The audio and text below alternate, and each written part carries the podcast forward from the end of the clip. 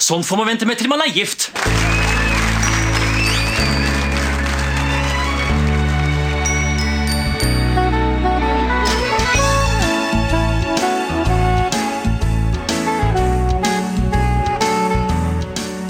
Hei, velkommen til en ny episode av Norsk film filmpodkast. Podkasten hvor vi ser norsk film med et kritisk, men kjærlig blikk.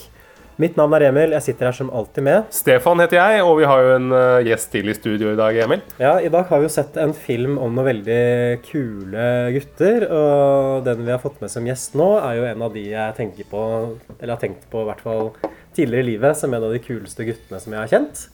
Nemlig Amund.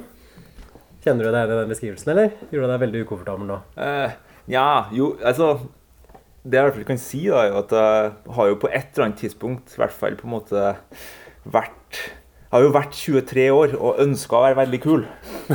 eh, og like de riktige tingene, høre på den riktige musikken, se de riktige filmene og lese de riktige bøkene. Ha de riktige damene? Rett og slett. Så det er litt sånn som de karakterene i den filmen vi har sett i dag, som er uh, reprise av Joachim Trier fra 2006. Ja, nei, skal vi få ut litt utbytte, i, Vil du stå og dyrke angsten din?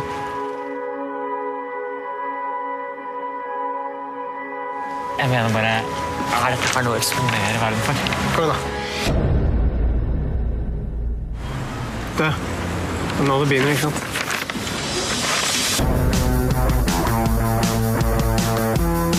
Antatt.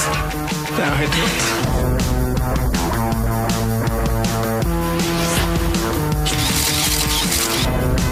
Skrive og lese Hvis vi trenger det, så gå et par-tre ganger i uken til prostituerte og dyrke avvikende fetisjistisk sex. Det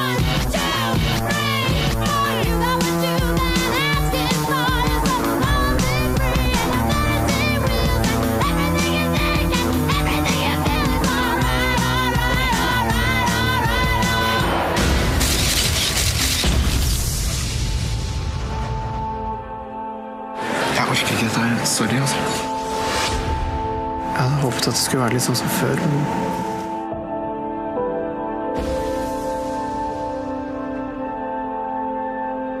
Fem. Fire. Tre. To. En. Null.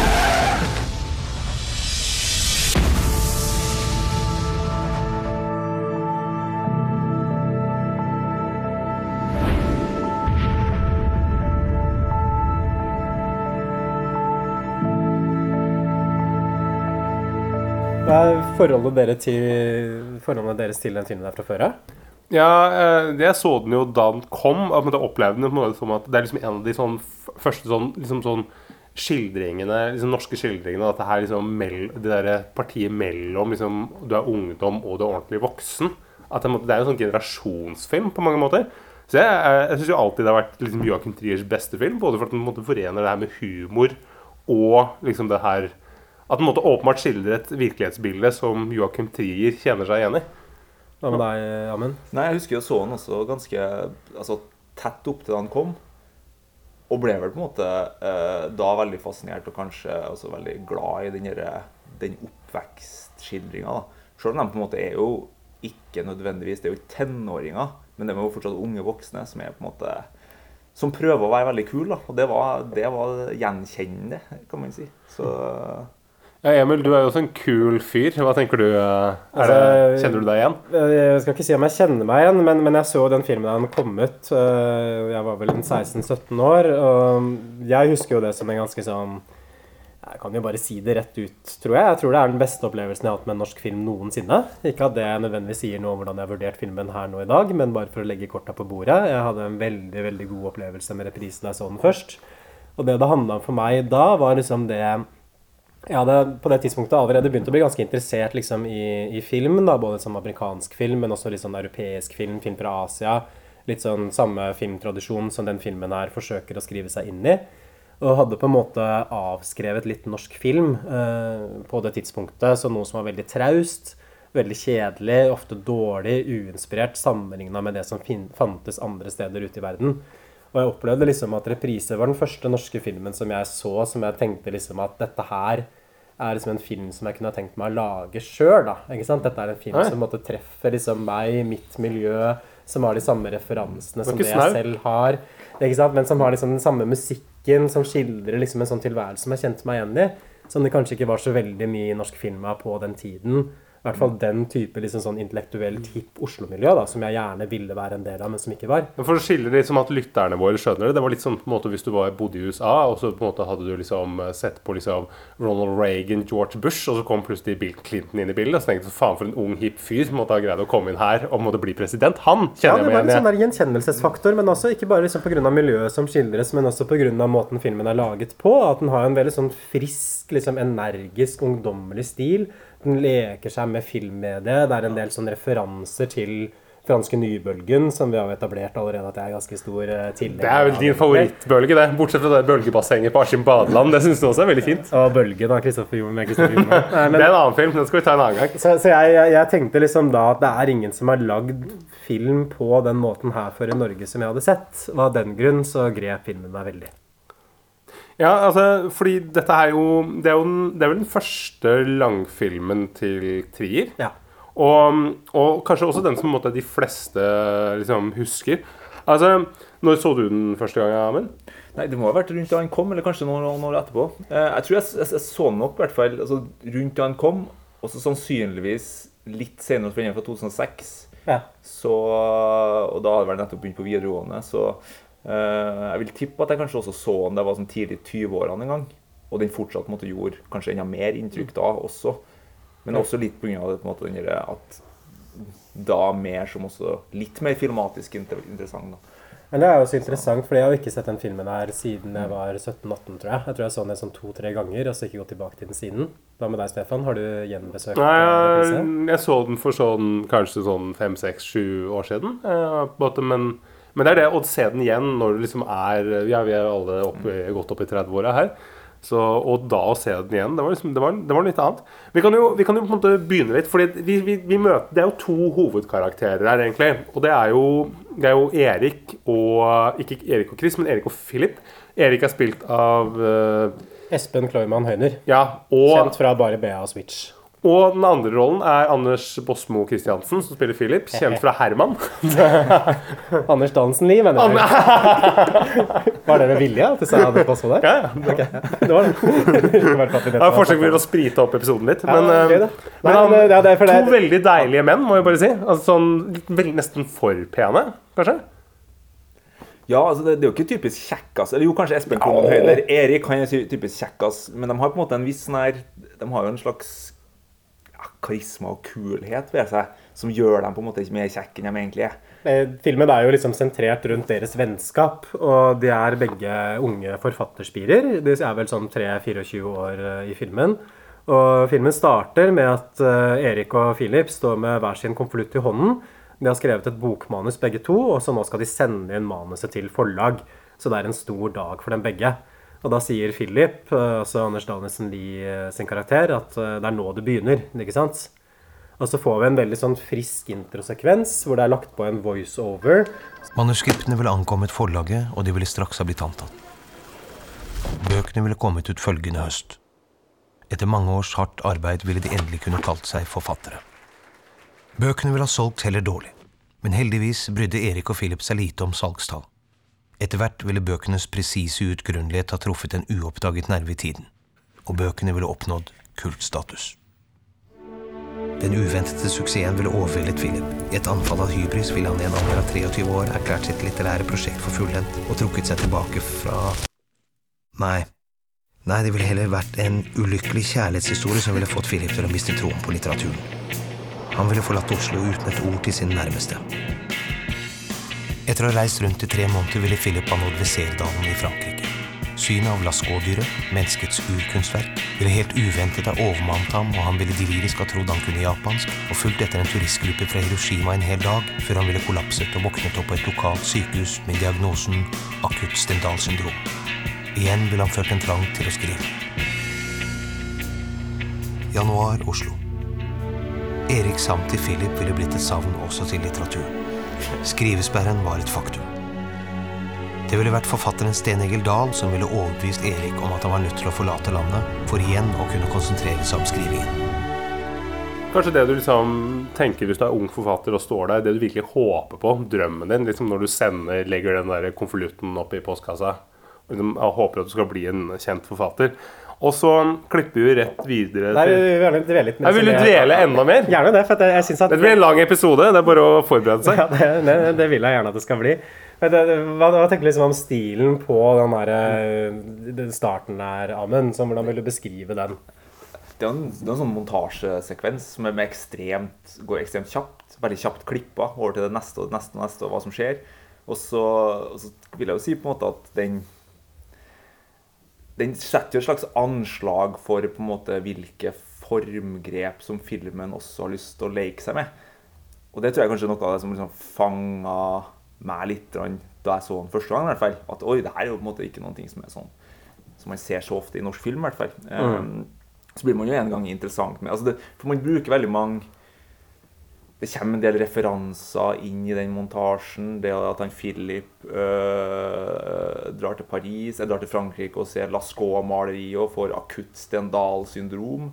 Øh, som er det at man får en sånn her ja, det blir en sånn overveldende øh, følelse, nesten psykotisk lidelse av å se noen ting som er sånn Eller noe grensesprengende vakkert. da. Og dette forklarer ikke filmen, det bare nevner at han får litt sånn Stendal-syndrom og så går kjapt videre. Så det er en sånn referanse som du må ta sjøl, som seer. Skal være rimelig sånn kulturinteressert eller kultursnobb for å ta dette her. De har også filmtema til med Prix av Jean-Luc Godard, som liksom er en av de kjente nybølgefilmene som går over soundtracket der i en periode.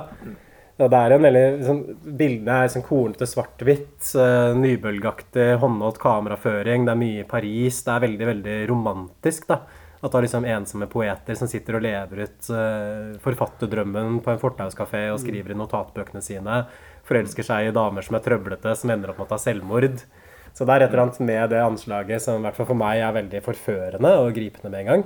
Vet hva du syns, Stefan. Du vil jo bare hoppe rett over det til neste. Jeg syns jo på en måte det fort kan bli liksom, at det kan, måte, det kan jo bli en sånn smule klisjé fordi at liksom Dette er jo liksom det du på en måte tenker at Joakim Trier og liksom hans venner har liksom på en måte ønsket liksom Det liksom typisk liksom alle, alle som henger på Grünerløkka, liksom, som har en roman i magen, og som på en måte tenker at jeg er en Hvorfor kan ikke jeg skrive den nye samtidsromanen? Ja, det er, det er greit at du kan si at det er en klisjé, men jeg likevel mener jo liksom at det var jo ikke en klisjé som hadde blitt, hadde blitt Ja. representert i norsk film Nei, nei, da. men det og det er jo noe som veldig mange går rundt og føler på, så liksom bare det å få det filmatisert på den måten er jo liksom befriende, da. Helt enig. Istedenfor å se Bjørn Sundquist Helt- stå oppe på en sånn brygge i Nord-Norge Eller sånn, der, sånn en eller annen postmann eh, liksom, i Oslo. Ja, jo, men, jo, men helt enig. Det er jo det. Dette er jo banebrytende. Men man må også kunne på en måte skrelle det ned til liksom, eh, bein og si at det er jo det som er appellerende for en viss type mennesker. At de, måte, de ser seg selv i dette her. Men det er noe med klisjeen at altså, det virker, altså Joakim Trier er veldig vi, bevisst på at det er en klisjé eller en pastisje, eller at han på en måte tar det fra et sted. Og med den bevisstheten så klarer han på en måte å foredle det til å bli litt mer Ja, Det er jo en idealisert framstilling, og det, det peker jo liksom også voiceoveren på. Fordi voiceoveren driver og ombestemmer seg. De møtes igjen på en kafé. Nei, det skulle vært på flyplassen. Nei, det skulle vært her og her. ikke sant? At man prøver å finne fram til hva som er det ideelle. Og det er jo kanskje, en sånn, kanskje hovedtemaet i filmen også, sånn som jeg ser det, er det nære forholdet mellom fantasi og virkelighet. Hvordan er det man vil at livet sitt skal være, ikke sant? For å på en måte Og hvordan er det i virkeligheten? lage et narrativ om hva slags liv man burde leve ut fra sånn estetisk ideal, og hvordan er det livet egentlig er, og hva er forskjellen mellom de to. Ja, At, ikke, at, liksom, at dette ikke er, et, liksom, at dette ikke er eh, hverdagskost i liksom, norsk film, det er vel noe ingen av oss er i tvil om. Men vi kan jo hoppe videre, fordi da kommer vi til denne her scenen hvor eh, vi, vi ser liksom masse folk i bunad som går gjennom Oslo, og til tonene av Joy Division. På en måte spiller opp 17. mai. 17. mai, og uh, gutta som bare ønsker seg vekk fra Oslo. Vi må komme Ja, ja, oss vekk fra det landet her. Jævla Norge, ass. Ja, det er jo det jeg tenker noen ganger når jeg går på rundt på 17. mai også. Altså, de har et såpass distansert forhold til 17. mai at de, det er den dagen de velger å le levere eh, bokmannene Ja. sine i postkassen. Det stusser jeg veldig på en Ja, gang. det ikke er på sånn det der- de- sånn de tenker det. De, de tenker ikke over det engang, liksom at det er 17. mai. Whatever. Mens de gutta der hadde jo vært på champagnefrokost, så det er jo litt sånn Ja. urealistisk element med filmen, kanskje. Og det, det er jo liksom dette typiske liksom, sånn Joachim Trier, fordi han kjenner et miljø i Norge. Det er det liksom, som er rundt på Frogner der, hvor folk kan sitte liksom, i de største leilighetene liksom, jeg noen gang har sett. Måte, de er jo større enn, liksom, de er jo større enn liksom, en sånn blokk oppe på Grorud. Liksom. Man kan sitte der og bare su, su, surre og liksom ikke gjøre noen ting. Og likevel og ikke jobbe. Og liksom, så likevel så har de råd til å betale leie. Eller, Nei, det er jo ingen av dere som har jobber. Ja, hvordan er det de har råd til de store dra til? Paris bare liksom på, på en whim. Bare sånn to måneder skrive. Jeg drar til Paris neste uke! Jeg må kjøper de, liksom, de dyreste billettene jeg får og bo på det Men, men en, ting som, en ting som jeg synes var litt sånn overraskende med den sekvensen For det er liksom det Joy Division, New Dawn Fades, litt sånn der sørgelig tung låt over. Og så har det masse sånn svart-hvitt-bilder av sånn drita russ og folk i bunad. Ja. Og ser, ser litt sånn stygt ut. For det, det kan jeg ikke huske liksom fra Joachim Trier sine senere filmer at han har så kritisk blikk på det norske. Nei. For det norske skildres jo veldig med en slags sånn utenforstående forakt. på en måte. Og det kan jo være liksom at Joachim Trier forsøker å sette seg sjøl liksom utenfor det norske filmlandskapet også med den sekvensen der. Ja. Dette er ikke en ny norsk film, liksom. Drit i det. Dette er en europeisk film. ikke sant? Her er vi mer opptatt av Paris enn av Oslo. I hvert fall av Paris enn Hammerfest og Svolvær. Ja, for det er det jo uten tvil. Jeg tenker altså, det, det er på en måte en avstand, Vi ønsker å ta avstand fra noen ting. Mm. Og avstand fra på en måte, for å eh, sitere, eller bruke et sitat fra filmen, noen de småborgerlige nissene her hjemme. Men, nei, men det er en, et, sånn der, fordi det, den, den edgen der føler jeg liksom har blitt mer og mer slipt vekk fra Joachim Trier nå nylig. Sånn som 'Verdens verste menneske' har jo ikke noe sånn der fuck you-finger til, liksom, til etablerte samfunnet. og liksom Prøver ikke liksom gå på akkord med publikummet. Men her er det fremdeles litt sånn der punk-energi. Ja, men det, men det er jo det at han er jo fortsatt avhengig av liksom, norske støtteordninger for å lage filmene sine. Han, kunne ikke, han vil jo ikke greie på en måte Det er, ikke, altså, det er, det er høyt nivå for å være i Norge, men det er på en måte, og det er kanskje liksom en sånn slags at det bikker opp en europeisk kvalitet, men det er på en måte ikke Det er jo ikke verdensfilm. Vi får se. Uh, Erik, uh, altså Espen Kleiman Høyner sin karakter, uh, får manuset sitt refusert. Mens Anders Danielsen Lie blir antatt. Og så kommer boka hans ut, gjør det egentlig ganske bra. Men det som skjer, er at han får et sånt nervøst sammenbrudd rett etter at boka kommer ut. Akkurat når han skal lansere den, egentlig.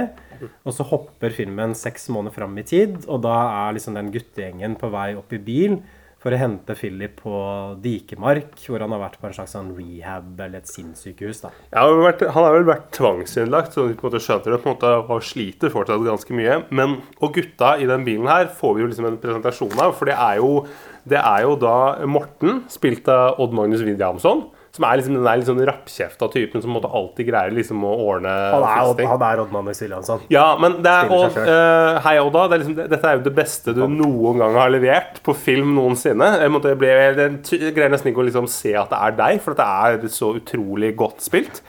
Uh, så det, det må du bare ta med, videre, ta med deg videre når du jobber med Tina Bettina og sånn. Og så er, det, mm, er det flere, da. For det er også en som heter uh, Lars Lars. Christian Rubek. Ja, uh, han, han, han, gjør en, han gjør en god figur her. Han har sånn Hitler-Jugendsveis, som de, det, de, de gutta kødder med. Og er liksom kanskje sånn streiteste gjengen, liksom.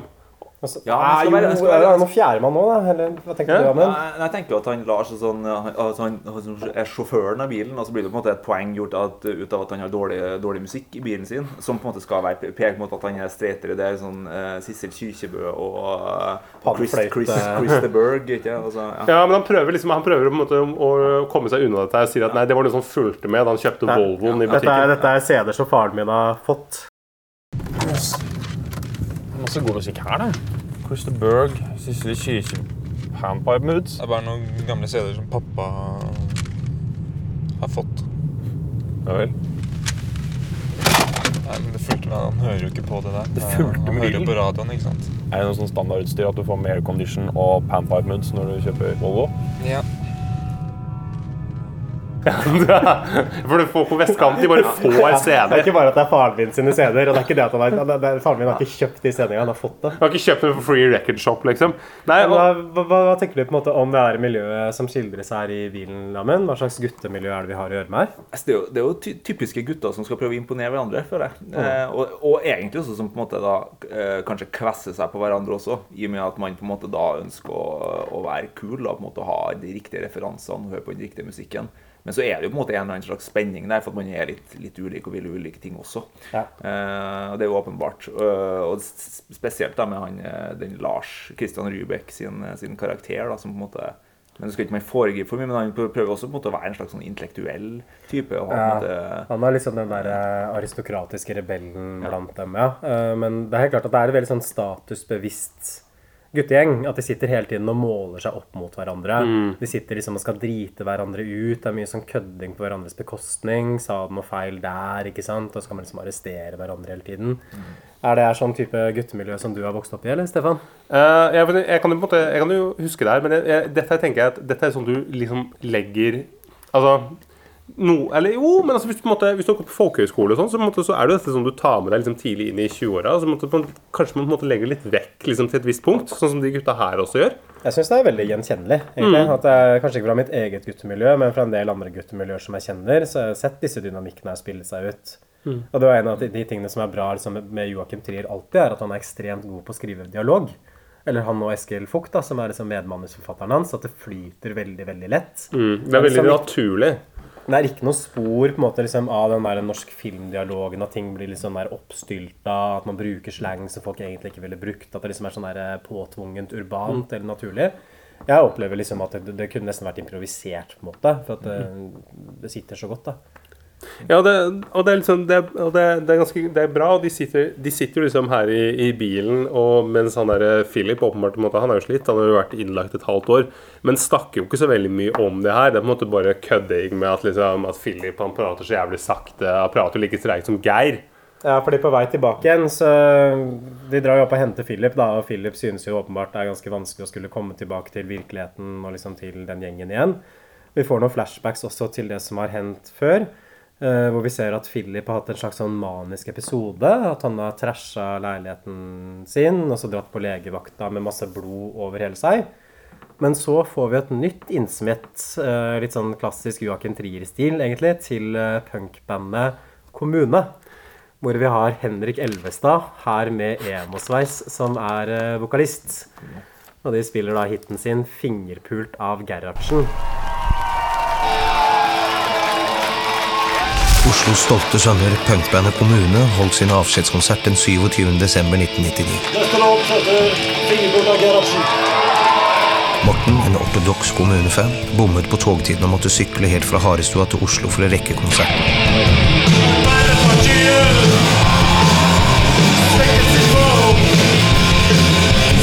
Etter tolv minutter fikk han et kne i øyet, Med dette traff han Philip og de andre guttene for første gang.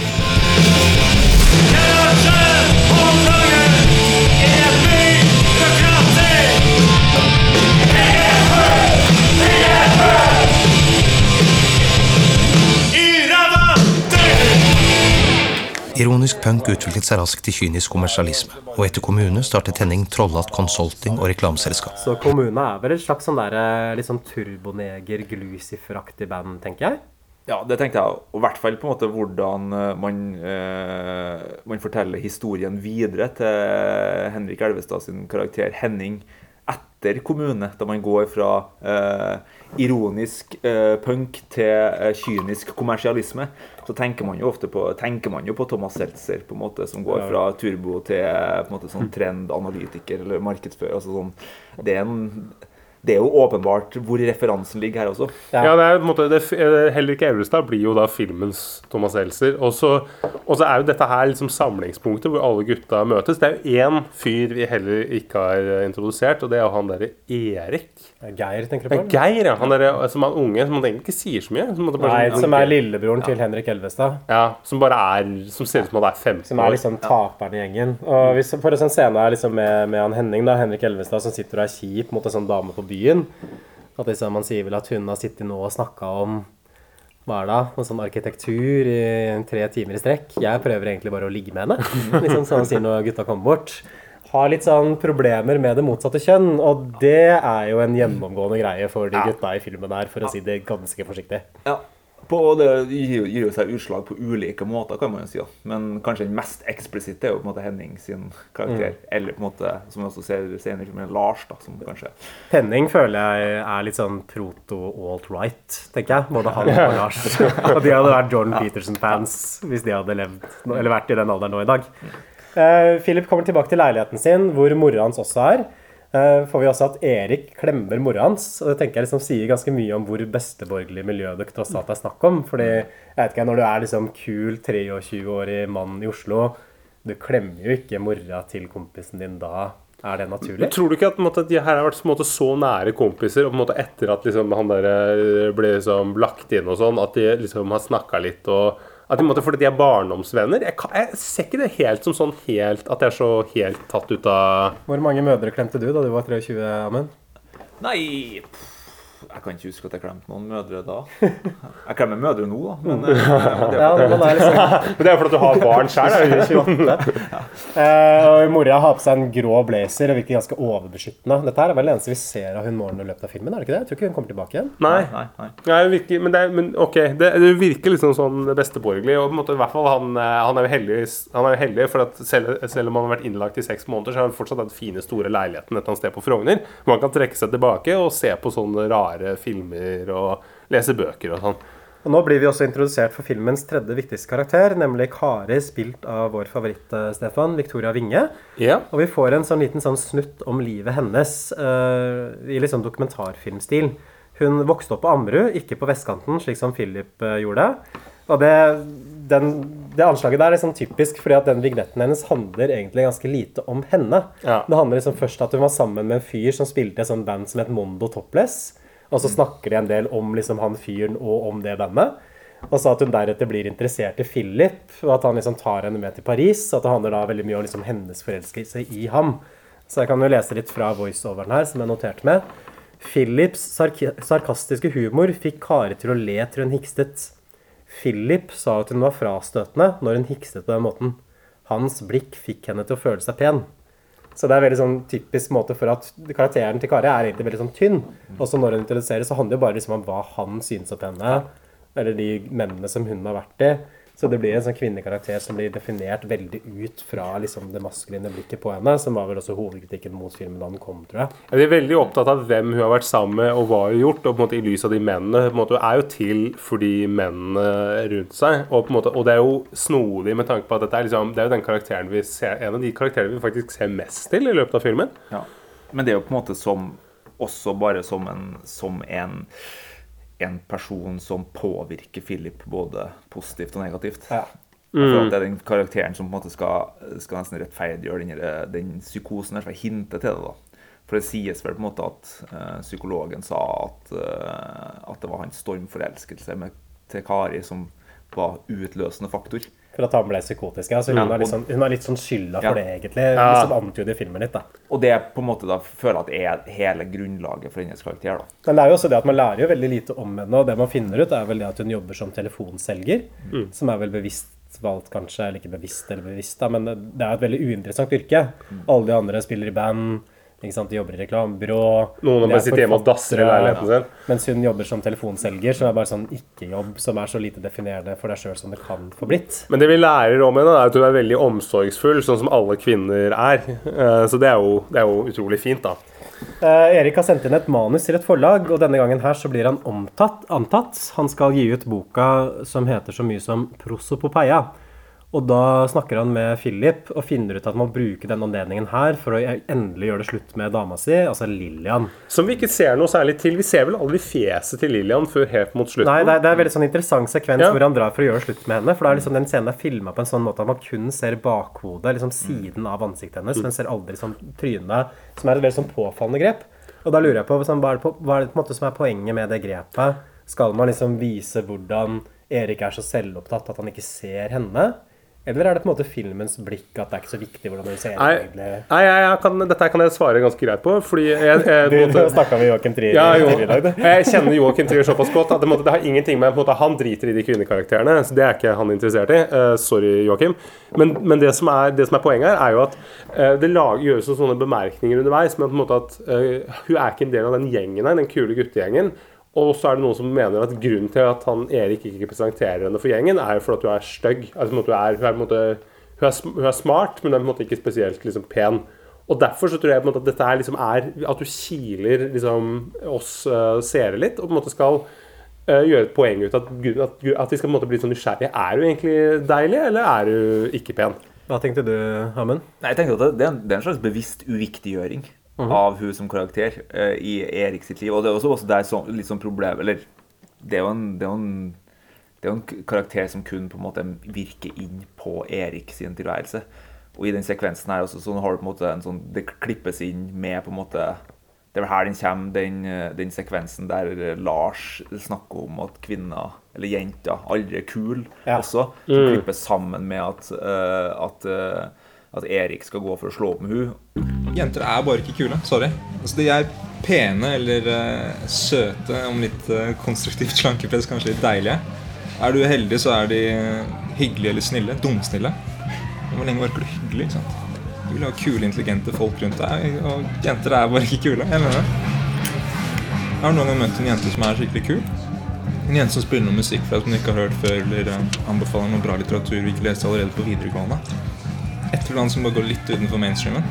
Ja, Men altså, det er Nei, det er bare noe fått av ekskjæresten sin, broren sin faren sin. De har ikke noe ekte forhold til det. De har ikke funnet frem til det selv. De bare later som. Og det er verst her. På østkanten så vet de i hvert fall at de er undermennesker, eller underprivilegerte. Men her har det liksom blitt oppdratt til å ha en mening og driver og blander seg inn i, i voksne samtaler. Så klippes det tilbake til at han også tenker på, eh, tilbake på sin, eh, sin barndom der mora fant eh, hva han hadde vært inn på PC-en. Og så blir han på en måte konfrontert med sitt eget Så han har vært inne og sett på noe porr. Og Ja, så kommer mora Jeg liker ikke at liksom sånne ting popper opp på skjermen når jeg setter meg ned. Hva vil du, hva vil du hva synes du om at jeg, hvis jeg hadde vært naken på, på PC-skjermen din? Nei, for Begge de tingene er liksom verdt å gå litt inn i. da, For det er den der scenen med han eh, Lars, altså Christian Rubek. For han snakker jo liksom det at jenter de kan ikke være kule. De kan være pene, de kan være søte, de kan være hyggelige. De kan være, Hvis du er heldig, så er de snille, eller dumsnille. Men de er aldri kule. Alle de kule tingene de liker, det er jo bare ting det har blitt anbefalt av ekskjærester eller storebrødre. Så de får det jo egentlig fra menn. Så ja, det, det er sånn spørsmål hele veien her. Sånn her, I hvor stor grad er liksom dette her filmens holdning? Er det noe som filmen gjør narr av? Hva tenker dere? Er det Absolutt, Den gjør vel absolutt ikke narr av det. Jeg tenker at det er, det er det den det er, det er jo Jeg tror man skal tenke at han har et lite poeng. Ja, liksom, for det er de er det. ikke så kule, egentlig, disse damene. Og Det tror jeg var helt greit i 2006. Og så spørsmålet er på en måte nå i liksom vår tid om det er liksom om det, er, det hadde ikke vært like Du kunne aldri lagd Du kunne aldri sagt det er på en måte sånn så alvorlig. Eller hva tenker du, tenker, du- tenker du Amund? Nei, jeg tenker også at det, det er på en måte at man Altså, man ønsker jo å si det. Men man ønsker på en måte at en karakter som er på en måte litt usympatisk, å si det. Selvfølgelig. Men det er på en måte et poeng at vi som seere skal på en måte også Nikke og smile litt i skjegget. Ha-ha, det var et poeng. Det var et godt poeng. Og så er det vel også et eller annet med det at filmen Det skildres jo på en måte en litt sånn der eh, mannekultur som kanskje har døddet litt nå. Men sånne der menn som skal være veldig sånn edgy, politisk ukorrekte. Hvor det blir en sånn kilde til intellektuell status. ikke sant? Å se så fritenkende jeg er. ikke sant? Jeg tør liksom å pushe grensene for det normale. Han Christian Rubek snakker jo også mye om sånn Nietzsche og Heidegger, som også er sånn type sånn edgy filosofer. Og så argumenterer han vel også for at menn blir ødelagt av å være et forhold. Det blir på en måte dratt inn i feminiteten, og så forbannes vi bare til sånne veike nisser. småborgerlige nisser. Småborgerlige nisser, ja. Ja. må være litt slem, sier han også. At, uh, og, så, og så klippes det til Erik, og så klarer han ikke Ja, å at han ikke klarer å gjøre, gjøre slutt. Og det blir jo kanskje framstilt som et problem som han har, egentlig. At han burde ha gjort det slutt egentlig med Lillian i den scenen. Ja, Han framstilles som veldig sånn veik, fordi at underveis i filmen så er det jo, så kommer han hele tida med unnskyldninger. Han gjør det aldri slutt, men han måtte bare komme med unnskyldning for hvorfor han ikke kan møte henne. At nei, jeg må passe på Philip, nei, jeg må jeg skal gjøre noe. Så han, eh, så han er jo en sånn Han er litt sånn tøffeltype. Han har ikke så mye ryggrad, han fyren der. det er, derfor, det er derfor han også klemmer mora til Philip. Ja, det han, det. han er jo den snille på en måte. Han er den snille gjengen som er på en måte veldig sympatisk og, Ja, og også- ønsker, ønsker å liksom gjøre alle til laks. Og som hadde blomstret veldig utenfor denne gjengen, for at han er så mye hyggeligere enn de andre som er der. Nei, kan, apropos sånn kvinner, da, jeg, kan- jeg kan ta en sånn avstikker nå, for dette er en scene som egentlig kommer litt sånn senere i filmen, men som ikke har noe med handlingen å gjøre, så jeg kan bare ta den med en gang. Og det er han derre fyren som jogger i parken med den Joy Division-T-skjorta. Eh, For dere som, Som er en sånn kjent sånn setpiece. ja, for dere som kjenner norsk film, så er det han som spiller eh, Lucky i den legendariske Hva med venner og-filmen fra 1992. I hvert fall, Erik forteller liksom historien hans. da, at uh, det, er, det er et sånn unødvendig element i filmen, for det er ikke noen sånn bærende funksjon i handlingen. I hvert fall at Han fyren som jogger i parken med Joy Division-T-skjorte, er sånn dritsmart type. Var den beste fyren i kullet på kjemi. Og så ble han headhunta da til et sånt stort sånn farmasøytisk selskap i USA. Som også liker at filmen framstiller som det er helt sånn ukomplisert. Ja, det er jo gjevt å jobbe i et farmasøytisk selskap i USA. Ikke noe, hva, hva kan være problemet med den bransjen der? Det er ikke en skitten industri i det hele tatt, det er legemiddelindustrien. Så det eneste problemet var liksom det at kjæresten hans ikke takla langdistanseforhold, slik at han fyren måtte flytte hjem igjen til Norge og si opp jobben. Så han fikk ikke vært med på den der opiatepidemien som hele farmasøytiske industrien i USA har tjent seg jævlig rike på. Og så når han kommer tilbake igjen da, til denne kravstore kjæresten, som ikke takla liksom det at kjæresten hennes var borte, så tror du ikke at hun dama gjør det slutt bare noen uker senere. Stakkars det ødelegger jo da livet til han fyren. Han er ute av stand til å jobbe lenger, og nå bor han liksom hjemme hos mor si på Adamstuen og bare jogger rundt i parken. Altså, jeg Så det er jo også, også en mann som har blitt ødelagt måte, av en kvinne, av en sånn utakknemlig kvinne. Først så hindrer hun på en måte mannen å gjøre det han egentlig vil, som er å jobbe i det farmasøytiske selskapet, og så bare dropper hun ham. Du har fått den fine jobben som at du kan forsørge henne resten av livet, og hun kan gjøre akkurat det hun vil, og få barn og Men, men det er så interessant, altså hvorfor er den sekvensen der på en måte tatt med? Ja. Det er jo etter at man, det er jo noe man vil si her.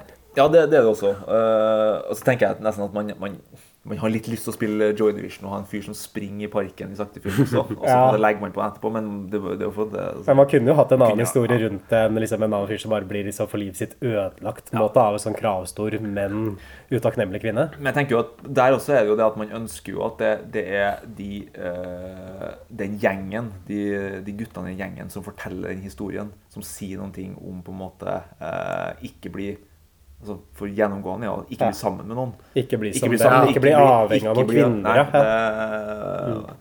I og med at det er liksom sånn uh, Det er jo Uh, det, det her er jo ikke den her voiceoveren som forteller, det er jo på en måte gjennom den gjengen. ja, det er jo Erik som forteller. Ja. Så, da, så da er det på en måte Ja, ikke bli sammen med en jente. Ja, og det er jo det. Alle er jo single, bortsett fra han der eh, Erik. Og nå, nå blir det jo liksom forandring i singelstatus til Philip, for nå tar han kontakt med en Kari, og så drar de på den kafeen på Bislett, er det vel?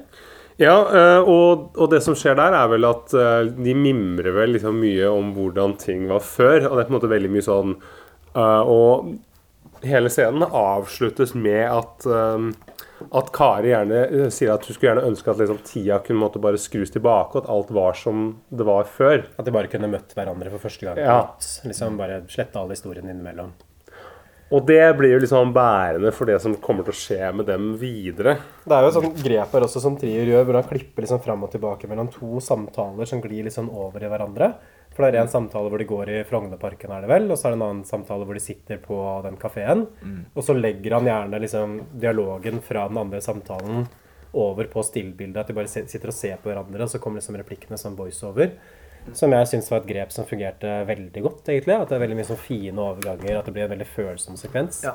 Jeg syns faktisk at det, det var Det, det skjer, skjer jo ved et par anledninger i filmen, eller det her, og jeg syns også at det er det som Det fungerer veldig godt. Og også på en måte når de snakker De snakker jo om fortida også. Ja. I tillegg så blir det veldig uklart hva som egentlig Ser vi det nå for et Ja. år siden, eller ser vi det nå i dag? Ja. og, og, og med de på en måte filmatiske grepene og den usynkrone lyden. Ja, det blir litt sånn subjektivt ved det. At du kan liksom kan se for deg liksom at karakterene sitter liksom og tenker tilbake. At det liksom er løsrevne minner som de får opp for seg. Nei, jeg, jeg syns at den liksom, det, det lader scenen med veldig mye følelser, og det, det, det virker ikke sånn gimmick-aktig som man kan bli på sitt verste. F.eks. i den scenen i 'Verdens verste menneske', den breakup-scenen, så kommer det plutselig en sånn voiceover som sier replikkene istedenfor uh, hun eh, Renate Reinsve Anders Hansenli. Det syns jeg er en gimmick som ikke tilfører scenen noe, men her føler jeg liksom at man kommer dypere inn på karakterene og deres følelsesliv. Og det, jo, og det er veldig fine sånne Det er veldig fine overganger liksom fra at noen nevner et ord, f.eks. da hvor liksom noen nevner denne favorittforfatteren til de gutta, som er da eh, Sten Erik Dahl. Og så, en måte, så, så på en måte da går neste scene liksom, Da er det bare rett til Sten Erik Dahl. Vi får liksom en oppsummering av hvem han er, med litt sånne gamle svart-hvitt-bilder og noen filmer liksom, fra sånn debatt på 60-tallet liksom, på, på Åpen post. Og det er på en måte veldig sånn Han, han leker jo liksom veldig Han har et veldig sånn lekent filmspråk. Ja, men samtidig veldig sånn konsentrert, og det er ingenting som føles på en måte påklistra ut. At jeg tror liksom alt er nødvendig Jeg vet ikke om det er nødvendig for å fortelle historien, men at det tilfører noe. da. Ja, det er det. Ja, for det er jo en, det er en, det er en sånn idérikdom, filmatisk idérikdom her. Der på en måte, der Trier på en måte har plukka fra en, på en, måte, en ganske rik verktøykasse og, av sine, sine inspirasjoner og interesser, eh, føles det ut som. Men, men på en måte også foredla på en god måte. Det er ikke bare på en måte Det, det er sannsynligvis og forhåpentligvis som kanskje det ikke altså I 'Verdens verste- menneske' så føler jeg at det er for mange ideer som er satt ut i filmen. Mens i den her så er det på en måte kutta ned flere ting. Eller Det er mer det virker- disiplinert. Ja. Ja. Men det, det føles ikke så mye som at sånn i 'Verdens verste menneske' Nå blir det kanskje mye snakk om den, da, men dere kan jo høre forrige episode om den filmen hvis dere vil. Eh, Men i den så føler jeg liksom mer det at Joachim Trier har sittet og tenkt at ok, nå må vi prøve liksom å legge noe et eller annet som er sånn artig her. Ja, hvorfor gjør vi ikke det? ikke sant? Hvorfor har vi liksom ikke en sånn der sekvens, animasjonssekvens? Mens her føles det mer at det vokser liksom organisk ut fra filmmaterialet, ut fra det som skjer med karakterene, ut fra følelser som skal formidles. Og i tillegg til at det er en veldig sånn frihetsfølelse. Du får liksom inntrykk av at dette er en sånn person som har hatt lyst til å lage en film lenge. Og så får man muligheten, og da tenker man liksom yes, da skal jeg virkelig liksom boltre meg. Og bare ta alle de mulighetene som filmmediet kan gi. men men er- likevel gjøre det på en disiplinert måte. Nei, men det er det Verdens verste menneske er litt som et sånt korps i liksom Janitsjar-korps i førstedivisjon, som som på en måte prøver å leke seg med å se hva jeg kan. Se liksom så mange referanser jeg har. Mens her så er det, går det alltid så, så er det litt mer sånn at han har Kill Your Darling, som bruker det liksom, som du sier da, nettopp for å, måte, å fremheve karakterene. Og bruker det som et måte, virkemiddel i historien som tilfører noe. Ikke bare som en sånn der, sirkuskunstner som måte bare liksom, strør om seg hva, og skal vise hva han kan. Så det er fint. Eh, neste scene nå, så Erik skal møte forlagssjefen sin, eh, som er veldig godt spilt av Jørgen eh, Langhelle. Nei! Henrik Mestad! Henrik Mestad! Nei, faen, nå nei, Det smusser til Henrik Mestad og Jørgen Langhelles Det er ikke noe rykte. her. At, Ja, det er en av de eh, beste, men det er en, den beste birollen, syns jeg i hvert fall. Og Henrik Mestad i hvert fall er en veldig sånn provoserende type. At du det er en sånn topp, typisk sånn forlagsgubbe egentlig, som er glad i å liksom sitte og jazze litt og være litt sånn Ja. Og, og han liksom sitter sammen med en annen forlagsredaktør da, som er kvinne, som, som heter Johanne. Og hun sender av veldig mye sånn unnskyldende blikk. Dette er det hun liksom må akseptere i løpet av sin Det her er arbeidsdag. dominerende fyren i den lederstillingen. Ja, irriterende ja, kødden her. Ja, men han er en sånn, han er en sånn gubbete type. Jeg må innrømme at jeg leste dette her. tenkte jeg. Nå kommer det inn en sånn litt eksentrisk, sånn gammel før tida-type. Skjønner du? Det er ikke noe vondt ment i dem. Det er Så kommer du. Se på nå. Han er jo kjekk. Pen gutt.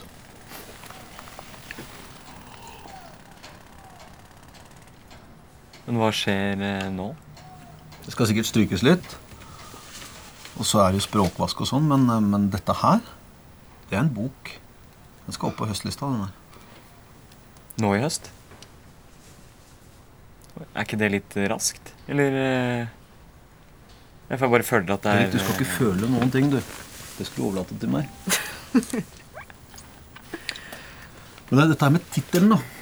Prosopopeia. Det er litt uh, Det har vi jo snakka om. Jeg vet ikke, jeg er veldig glad i ettordstitler. Uår, sult, avløsning. Prosopopeia er jo ett ord. Det er jo det. Ja. Wow. Det er så skjørt, dette her med første boka. Det, nå setter vi jo tonen for hele forfatterskapet, ikke sant? Tenk deg en kritiker som må anmelde en ung debutant som har skrevet prostapostei eller noe sånt. Ja, nå provoserer jeg. Nå kjører jeg deg syns litt, men også, skjønner du. Og, og det det, vi må jo bare klippe inn scenene, egentlig. Det er jo på en måte det som gjør seg her. Og Vi hører også om en forfatter som heter eh, Sten Egil Dahl. Men han har jo snakket om i stad! snakket om i stad! Men vi kan snakke litt mer om han da, kanskje. Eh, Som, som er på en måte både Philip og Erik sin yndlingsforfatter i Norge, får man inntrykk av. Han er en sær, folkesky type. Han er også kredibel. Man ser noen bilder av han når han er klippet sammen med Marguerite Duras, som er en sånn kjent fransk forfatter som er veldig gjev på vestkanten. Og nå bor liksom helt sånn isolert i et hus uh, rett ved Frognerparken. Så det er jo en slags sånn fiksjonell utgave av Tor Ulven, tenker jeg. Ja. De nevner vel Tor Ulven nå. Tor Ulven senere. Også, Ja. også, også, men det er jo sånn satt sammen. Jeg tenker, også det. Tor Ulven var jo en sånn norsk forfatter som ikke forlot huset sitt på mange år. Jeg tror at han liksom var innendørs sånn seks-syv år i strekk. Oi. Og så tok livet sitt til slutt, da. i 1995. Og så er det også et spill Navnet er jo et spill på Stendal. Stendal syndrom. tenker Tror jeg. du det? Ja. Ja, altså, det- det- noe annet ville det vært på en måte Ja. for men, men jeg skjønner ikke helt hvilken funksjon det har. Ja, for du tror ikke det er et spill på Kjell Ola Dahl, denne krimforfatteren som har gitt ut flere bøker? Eller Brødrene Dahl, bare. Kanskje kombinasjonen av alle tre. Det er jo glupe firer, jo, eh, Erik Fugt og, og Joachim Trier. Vi får også en sånn artig scene hvor eh, gutta er ute og bader, og så kommer hun Johanne som jobber på Aschehoug, og kommer liksom og møter de gutta da, mens de er ute og bader. Men det er litt sånn tilfeldig, tror jeg, for de er vel ute på huk der og liksom leker seg. Og så, og så blir jo, greier jo hun Johanne å bli veldig provosert, fordi at de her gutta de er liksom, de er jo, de jazzer jo, og så hopper Lars ut i vannet og blir borte. Og så sitter de da liksom og forteller skrøner om Lars. Veldig god anekdote. Den er Kan bra, ikke- Kan altså. ikke du ta den anekdoten, eh, Amund? Ja, nei, det, det er jo Odd Magnus Wilhelmsson sin karakter som, som jobber i det her reklamebyrået eh, sammen med, med Henrik Elvestad. Og så har han noen møter med, med, noen, med noen kunder. Og så er det jo noen han, ja, sånn, en halvbekjente, og så begynner man jo sånn ja, Typisk når man har sånne møter med kunder, og sånne ting, så snakker man om hvem kjenner hvem, og hvor det, eller hvem man kjenner, og litt felles, felles referanser og sånne ting. Og så, og så kommer man inn på en eller annen, eh, man inn på Lars. Og så sier han, man klipper seg til møtet, og så sier han meg i sitt møte med ja du, ja, du tenker på porno, Lars? Ja, ja, ja. Og så, For det viser seg da at denne konsulenten fra da, han hadde bodd i det kollektivet til Lars nede på Skillebekk. Og en kveld så da han sittet og drukket vin med noen venninner, og så hadde Lars kommet hjem ganske seint. Og så spør han fyren om ikke Lars vil sette seg ned og ta et glass vin med de og sånn. Men Lars, da, som selvfølgelig er blodseriøs, Jeg prøver å kutte litt ned på den TV-tittingen. så han svarer at eh, nei, det, det går nok ikke, for jeg skal inn og lese i den nye Heidegger-boka jeg har kjøpt. og så filmes det inn på uh, plastposen hans, litt sånn transparent plastpose, og der ser jeg at det ligger Hustler. Derav navnet Porno-Lars. Det er ikke bare Hustler, det er Hustler XXX. altså. Oi, det er beste Hustler! Og Johanne Raskhaug blir også sittende igjen med Henrik Elvestad, og det er jo ikke så veldig god idé, fordi de kommer i snakk om en sånn forfatter som eh, ingen av dem liker, åpenbart, som heter Mattis Wergeland. Spilt av uh, Torbjørn Harr, en liksom, som er, han er ekspert på å skrive eller spille klysete typer. Du, Erik, hva er den heter den der boka til Mattis eh, Wergeland? Uh, tingene som holder deg fast. Det er ja. Tingene som holder deg fast. Tingene. Jeg syns Mattis sin bok er kjempefin. jeg. Ja, det har jeg skjønt. Det er bare så innmari jantelov. Jeg mener, Hvis Mattis hadde skrevet på engelsk, så hadde han antageligvis vært verdenskjent nå. Det virker bare misunnelig. Misunnelig. Skjerp deg. du. Jeg gikk på Katta med Mattis. Det er en kjensgjerning at han var en dust lenge før han ble kjent. altså. Dust òg, nå. Ja ja, det er ikke alle som kan bli berømt forfatter. Nei, Du har for så vidt et poeng. Dust er liksom ikke helt dekkende akkurat når det gjelder Mattis Wergeland. Jeg ønsker bare egentlig at Mattis eh, suger negerkuk i helvete, den jævla jødefitta han er. Ja. Det, er det, det er det jeg vil, men nei. Vi får se.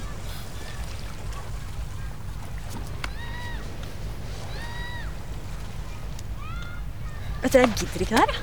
Du, han bare tuller, altså. Jeg gjør jo ikke det, da. Nei, men Det holder ikke, Erik. Sånne folk som han er det verste jeg veit. Er ikke det verste du vet, det, Janne? Johanne. Det verste du vet, det er jo krig og George Bush og Verdensbanken. Du! Hvem faen tror du at du er, egentlig? Hæ? Altså, den gjengen her Det er den mest pu- pubertale gjengen med drittunger jeg har møtt noen gang. Dere sitter bare og slenger dritt om hverandre og sier ekle ting. Og det er faktisk ganske kjipt å se hvordan det går utover deg. Og han der. Meg? Hva er det du snakker om? Ja, men du ser det jo, Det er du ikke òg. sånn. Det Jeg er... skjønner ikke hva du gjør med de folka her i det hele tatt. jeg. Hva mener du med at det går utover meg? Men tror dere at det er første gang jeg møter motstand fra kjipe gutter? Hæ? Jeg får bare lyst til å si én ting til dere. Og det er at jeg tror Jeg tror ikke dette er den letteste gjengen å ha problemer i, for å si det sånn. Du er bare så jævlig søt når du er forbanna, sier han. Og du er jævlig banal, vet du det?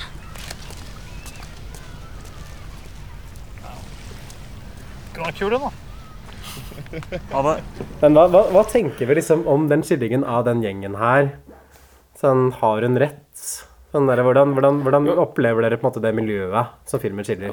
For jeg er litt, jeg er litt delt. Fordi uh, han Philip på en måte, Det, det er på en måte fordeler og ulemper her. Philip får jo på en måte ikke det, det, de, de, de snakker aldri om det liksom greiene som har vært lagt inn. På en måte kan jo det være bra, for på en måte da, da kanskje han greier liksom, at han ikke er så interessert i å prate om det. At det holder å liksom snakke litt om det med Erik. Og så syns jeg også måte, hun, hun hisser seg liksom voldsomt opp. For det er jo, måte, det er jo, liksom, det er jo generelt ganske god stemning her. Det er jo på en måte litt sånn jazze med jazzestemning. Så det er jo bare at hun kommer helt sånn Hun er sånn fish out of water, som ikke skjønner den dynamikken. At dette her er sagt med litt sånn Det er snakket med litt ironi og litt sånn fandenivoldskhet. Og den verste replikken i hele sesongen er jo den der hvor hun sier at Tror dere dette er første gang jeg møter motstand fra kjipe gutter? Med litt sånn derre ja, jeg, jeg, jeg, jeg, jeg, jeg syns jo han har et poeng. Eller hva Ja, tenker du, Amund? altså På en måte så, så syns jo jeg at de det her er på en måte en typisk guttegjeng som driver med typisk guttegjengaktige ting. Mm. Og jeg har den tonen man har, og den sjargongen. Og det, altså det har vi jo snakka tidligere om med, sånn med gjenkjennelse. Og jeg syns jo på en måte at den tonen er jo Eller har jo vært sikkert veldig vanlig for den generasjonen, i hvert fall. Eh, og at det egentlig ikke er så veldig utypisk. Men eh, man ville kanskje ha så Problemet er at hvis, hvis det hadde kommet noen utenfra som ikke på en måte skjønner den sjargongen Mm. man har, og klarer på en måte å se hvordan ting, altså konteksten ting blir sagt i, så blir man, bør man jo på en måte moderere seg. For jeg føler at jeg har vært i sånne situasjoner der Eller sittet Ja, på et vorspiel ja, med en guttegjeng der det har vært Sittet og jazza, liksom. Vært litt ute på tynnis. For det blir ekskluderende på en eller annen måte. At det, måte, det framstår som inkluderende, for de har en greie som du ikke er med på. Ja, og så kommer det noen andre plutselig inn på det, og da må, må man på en måte endre måten man snakker Ja. på for at den personen skal inkluderes. Eh, Men her skjer ikke det. Og så ender jo selvfølgelig opp med at Henrik Elvestad sitter og på en måte eh, provoserer hun i sånn én-samtale. Ja, ikke sant? Han går inn for det. Ja, og det er jo, det er jo på en måte en, føler jeg, det utypiske her. Det er på en måte å gå for egentlig sånn, sånn dårlig sosialt eh, Fordi hun sier vel liksom til han sånn der at du, sånne typer som deg er det verste jeg veit. Og så svarer han vel sånn ja, det, er, det stemmer jo ikke det. Det verste du veit, er jo George Bush og Verdensbanken. Det er jo, da er jo litt rett. Ja, men, men, er det det, det, jeg syns liksom, er liksom bra her, at jeg synes det er et, det er et usympatisk miljø som skilles. Det er det helt klart. Og det er på en måte ikke, det er ikke et miljø som tåler dagens lys. Nei. Men det er et miljø som eksisterer, som er gjenkjennelig. Og som er ganske morsomt. Ja, og jeg syns det er kult liksom det at man skildrer det på den måten også. Jeg tror også man skal tenke liksom at hun har litt rett når hun sier liksom at dette her kan ikke være det letteste miljøet å ha problemer i. For det er jo For det, det, det stemmer jo. ikke sant? Ja. Senere i filmen så er det vel det at han Erik drar på et sånt TV-program og gjør det ganske dårlig, liksom. Han blir intervjua av Lindmo. Og da sitter liksom Henrik Elvestad og liksom disser ham mens de ser på det TV-programmet. Mm. Og man kan jo trekke en parallell liksom til han Philip på en måte, med at han øh, ble gæren. da, ikke sant? Og det er jo ikke letteste miljøet liksom, hvis du sliter. At det er en slags sånn giftighet da, ikke sant, som ligger i dette miljøet. Jeg sånn som, jeg syns han der Geir får gjennomgå ganske mye, som på en måte er sånn der, den liksom sorte får, liksom det der utskuddet i den gjengen. På en måte som er den der hakkekyllingen. Altså, det er jo ikke noe sånn hvis, du, hvis han hadde slitt veldig, så hadde han på en måte ikke, blitt noe Det er bedre. ikke noe, det er rom, rom for det, nei. Det, Nei. Men igjen? Det, er, det er usympatisk og det er uperfekt, men samtidig det er ekte. Og det, Ja. det virker jo tross alt også som at de gutta der liker hverandre godt, og de bryr seg om hverandre innerst inne. Mm. Men jeg liker jo for så vidt det, liksom, det med filmen, at den, den trenger ikke å framstille det miljøet som noe mer sympatisk enn det det egentlig er. Nei. Hvis du skjønner hva jeg mener? At Nei. det tør liksom å vise de usympatiske øyeblikkene også. Mm. Som sikkert også handler om at det er en litt sånn annen tid da den filmen ble lagd i. Jeg tror ikke at Joakim Nei. Trier hadde lagd det samme igjen nå, men det står igjen i hvert fall som en ganske sånn ærlig dokument. Det er ærlig, og det er ganske morsomt. Det er, liksom, det er, jo, det er, jo, altså, det er jo gøy. Jeg ler jo liksom mye når jeg, ser den filmen. her. Ja, og jeg, og jeg, jeg syns også at på en måte, det er troverdig eh, hvordan, på en måte, uh, hvordan man ville håndtert det å få en med et, med et alvorlig psykisk problem i en Mm. sånn gjeng.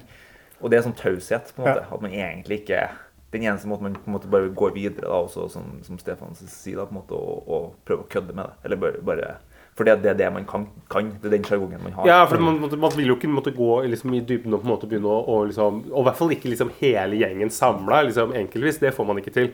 Men det er liksom mellom Eirik og han Neste scene så stikker Erik på en uh, diktlansering uh, hvor han håper å treffe på han Sten Egil Dahl, altså han legendariske forfatteren. Og Philip tar med seg karet ditt, så de er åpenbart litt sånn på dealeren igjen, selv om det åpenbart ikke er så lurt fra et rent sånn psykiatrisk perspektiv. Og der møter de også han Mattis Wergeland, som spør om Philip skriver på noe. Og det blir et veldig sånn sårt tema for Philip, for det er sånn åpenbart at han ikke får til å skrive lenger, egentlig. Han skrivesperre. Ja. Han sier vel det direkte også, at han, måte, at han sliter med å måte, skrive, selv om han vet at Erik egentlig gjerne vil at han skulle skrive noe. At det er viktig for Erik. Og det er liksom tegn på at det begynner å klikke litt igjen for han Philip. Eh, Erik kommer hjem på besøk til ham, og da sitter liksom Philip der med TV-en på full guffe. Og like etter så kjøper Philip en flybillett til Kari, eh, hvor de skal dra til Paris på nøyaktig den samme datoen som da de dro sist. Hvor de på en måte skal prøve å gjenta den suksessen. Og da, da kommer kanskje det du snakka om i stad, Stefan, inn igjen. At eh, hun, eh, hun sa at de skulle ønske at de liksom kunne treffes på nytt. Bare ta forholdet på en måte i reprise, da, ikke sant, som filmen heter. Og det er vel kanskje det som Philip forsøker på nå. Ja, og da er det jo, det er det jo liksom alt han Philip, Det eneste de snakker om og greier å skrakke om på den turen, og det det, det er jo takket være Philip, er liksom Hva gjorde vi sist? Eh, hvor var vi sist? Eh, var jeg glad akkurat da? Og hvilken etasje bodde vi om? Ja. Bodde vi, og når, da, vi, da vi tok dette bildet i den parken her, eh, da, da gled skjørtet ditt litt opp. Prøv å gjøre det nå. Det blir liksom veldig klein dynamikk, for det er så tydelig liksom at det er Philips opplegg, og også det at alt bare handler om han, egentlig, sånn hvordan han følte det. Og at han også skal fortelle henne hva hun føler. Og det topper seg når de er i Luxembourghagen, hvor, eh, som Stefan ymta frampå i stad, at de skal forsøke å ta et bilde, eller Philip skal forsøke å ta et bilde av hun Kari, som skal da være nøyaktig likt som det bildet som de tok forrige gang de var der. Ja, og du ser at det blir en veldig ubehagelig situasjon. Eller Mm. i hvert fall for Kari. Mm. Uh, og jeg syns på en måte Victoria Winge gjør jo en veldig god enig. Veldig god uh, figur med den ganske tynne på en måte tynne karakteren, på et vis. Altså, altså, den har jo en altså, Karakteren har jo en funksjon i filmen som er på en måte eh, det å være tynn. Eller på en måte det å være eh, objekt for Philip. Eh, men Victoria Winge klarer jo på en måte å gi den karakteren ekstremt mye liv og sårhet. Ja, Jeg det. Jeg syns hun gir den veldig mye som kanskje ikke ligger der i manuset. Det er mye liksom kroppsspråk og med blikket og sånne ting. At du, du ser jo du ser jo fryktelig liksom, greier på en måte å spille ut liksom, og se ganske trist ut og sånn. Og men det blir jo i hvert fall det blir sånn, og du, Jeg kjenner jo, jeg får litt sånn vondt under den Paris-turen, for du kjenner på denne her liksom trykka stemningen mellom de to. Hvor de bare står liksom stille, liksom helt stille på banen og ser liksom hver sin vei ut i lufta. Det er ganske Det er, altså, det er bra levert. Altså. Det er en sterk scene. Ja, og man venter liksom på at Philip skal på en måte eh, dette ut i psykosen igjen. Altså, Mm. også. At det er, en sånn, det er en spenning der som ligger på en måte og, og dirrer. Man ser at det ikke er sunt, liksom, ikke for noen av dem. Og så etter å kommer tilbake fra Paris, eller, for det som skjer på slutten her, liksom at de har et sånn mislykka samleie, og så tar Victoria Winge og konfronterer ham litt. Hvorfor dro, dro vi ned hit? Er du ikke glad i meg lenger? Og så slutter det med at hun drar aleine opp igjen da, til Norge. Nå skal jo det, vi seere tenke at nå er dette forholdet slutt, men så kommer høsten, og da kommer det jo ut en bok. Og det er den derre prosopostei. Prosopopeia. Prostapostei. Prostapostei, som eh, Erik Høyås, eh, hvor eh, Erik er på Lindmo, som jeg nevnte i stad, eller i hvert fall på Lindmo sin tidligere program, hvor Lindmo skal liksom få han til å prate liksom sånn hva er, hva er sammenhengen mellom boka og ditt privatliv? Og kanskje liksom få han til å snakke litt om Philip, da kanskje, fordi at hun mener at han har skrevet en bok om galskap. Og Philip er jo gæren, så da må det jo være han det handler om. uh, og Erik motsetter seg veldig det, da, ikke sant? at nå har det på en måte blitt sånn at alle skal brette ut problemene sine. Eh, for å på en måte komme på, da, hvis man har et sånt kulturprodukt å selge. Som er jo litt sånn forut for sin tid-kritikk, det der. At dette ble jo sagt i 2006. Men nå gjelder det jo i hvert fall liksom, at man kommer seg i hvert fall ikke på Lindmo med mindre man har på en måte en sånn personlig tragedie. At det er aldri nok å bare være en utøver som har skapt noe. da, ikke sant? Det må også være en sånn personlig dimensjon til det. Ja, du, Som kjendis er du ikke verdt noen ting hvis du ikke har hatt liksom et par depresjoner og liksom har slitt litt. Samme, nei, sorry, Ja, det, det understrekes jo veldig av den, den, en av de andre gjestene som er der, som sitter og har skrevet bok i voksen alder og på en måte har en sånn jeg har noen sånn strupekreft. En sånn, så han sitter med en sånn stemme Jeg trodde aldri jeg skulle skrive den boka her. Så her går jo han, han eh, Erik feilberegner sitt publikum og går jo skikkelig i bar her. Måtte må snakke dritt om, eh, om sånne typer da, på Lindmo. Etterpå så da gutta på fest, og da lever de ut den gode, gamle guttedrømmen som var med når jeg har drømt om så mange ganger, som er det at de liksom kommer på en fest, kupper AUX-kabelen, skrur av den bullshit-musikken som man hører på, setter på noe feministisk punk, og så lager vi liksom full fest på dansegulvet. Og bare eier festen totalt. Det, det er jo en fantasi som du har kjent på en gang iblant, Amund. Ja, det der er jo en sånn fest, fest som man ønsker å ha vært på, men som aldri har vært på, egentlig. Eh, For man har stort sett stått i et hjørne og, og, og kritisert musikken uten, uten å gjøre som Odd Magnus ville. Og så har man prøvd å liksom, skal ønske seg en låt, så kommer man ikke på liksom, hva man skal sette på, og så kommer man på noe sånn, litt sånn dårlig, og så blir det ikke noe bra. Ja, det er, det er det som er. Og det som, eh, det som skjer på den festen, er det skjer to veldig kjipe ting for han der eh, Erik. Det første er jo at um, han har jo på en måte slått i en sånn bullshit-unnskyldning til hun der Lillian, dama hans, og sagt at nei, han må passe på, passe på Philip, for han er veldig sjuk. Og så går han likevel på den festen, og Lillian er på festen og ser at Erik utagerer og er liksom helt med og godt humør. God stemning. Um, så det ender jo med at det løser seg fint for Erik, fordi eh, Lillian slår opp med han eh, og kaller ham for en jævlig klisjé. Nummer to er at denne Prostapostei-boka hans den slaktes i Aftenposten, tror jeg det er, og får Mm. jævlig dårlige anmeldelser. Språkspinn som mister tråden, har anmeldelsen. Det er liksom gøy, liksom, Da den anmeldelsen kommer på skjermen, så pauser jeg faktisk. Var liksom interessert i å se liksom, Oi. er det en faktisk anmeldelse. Har de tatt seg bryet liksom, å skrive teksten under, eller er det bare sånn lorem ipsum? eh? men det er, men det er, det er faktisk, liksom, de har faktisk skrevet i den anmeldelsen. Oi. Det er en sånn der, anmeldelsen siterer en linje fra boka. 'Jeg var et eksistensielt Guantánamo'. så hvis det er det nivået det ligger på, så kan jeg kanskje skjønne liksom at det fikk Ja, men De har, kanskje ikke tatt seg, tatt seg så god, god flid med å skrive boka, så den er kanskje, kanskje, kanskje ganske dårlig. da. Eh, Så skjønner jo at anmeldelsen blir dårlig da. Og det som også har skjedd, liksom Philip har sykla hjem fra den festen, og så forsøker han liksom å sykle i blinde nedover langs Bislett der, mens han teller, til, eh, teller ned fra ti til null sånn inni seg. Bare sånn at vi ikke får Oslo-losen på nakken, så er det faktisk ned Briskeby fra brannstasjoner. der. Mm. På, på vestkanten. Men det er sånn greie for han, i hvert fall den tellinga, da, at han liksom driver og teller ned hele tiden, og så tar han liksom sjanse ved det, f.eks. nå liksom, som er livsfarlig, å sykle i blinde. Det anbefaler vi ingen som hører på podkasten om å gjøre. Nei, Dette er- absolutt dette er ikke. Dette er, ikke- ikke virkelighet. Dette er fiksjon. Dette får man kun til i norsk film. Det er filmtriks. Ja. Men det er også på en måte et sånt, den tellinga den ble, det ble jo etablert litt tidligere i filmen også, at man, man kan telle ned, og ved null så skal det selvfølgelig da skje noen ting. Ja, når jeg teller, Han sier vel det til Victoria Winge sånn Hvis jeg teller ned fra ti nå, når jeg kommer til null, så kommer det til å bli forelska i meg. Mm. At det, det skjer noe skjell- skjellsettende eh, når man på en måte kommer til null. Som er på en måte, det er jo litt sånn, sånn manisk eller Tvangstanke, tvangstanke, på en måte. ja. Eh, rett og slett. Men han kommer i hvert fall hjem, og så blir han liksom inspirert for å skrive noe nytt. Endelig. Og så viser han det han har skrevet til Erik, som eh, vel sier at det han skrev, ikke var så veldig bra. Det er ikke det beste du har skrevet. Ja, Som er, det, som er det verste han kan si. Som er så snill, egentlig. Philip blir veldig skuffa, det blir en slags sånn krangel mellom dem. Og så ser Erik også at den boka hans, Prosopopeia, ligger liksom tydelig lest da, på bordet til Philip. Philip vil ikke snakke om den. Men så er det jo også litt sånn dårlig stil. da, ikke sant? Han har nettopp gitt ut en bok. Istedenfor å kommentere på den boka som Erik har kommet med, så drar han liksom heller ned 'Jeg har skrevet noe nytt nå. Hva syns du om dette?' Det er ikke så veldig, eh, det er ikke så veldig trivelig, kanskje? Det er litt sånn utidig. Ja. Og Erik blir eh, også angrepet av hunden til eh, Sten Egil Dahl i Frognerparken. Og blir tatt med inn til Sten Egil Dahl selv. Altså det forfatteridolet som de har.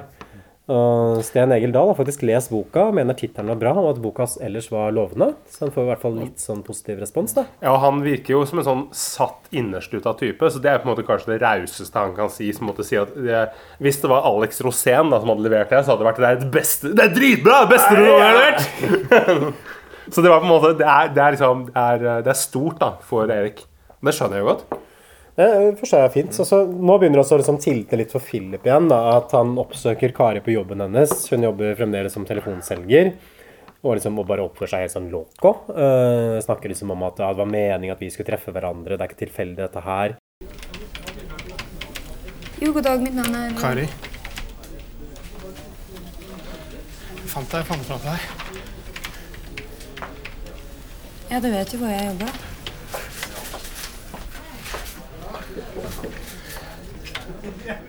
Du vet det har vært meningen hele tiden. Bare så utrolig mange ting som uh, Et eller annet som binder oss sammen. Jeg fant det her, ikke sant.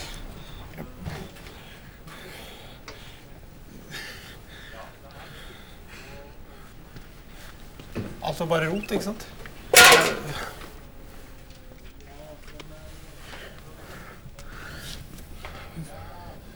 Som eh, Unnskyld?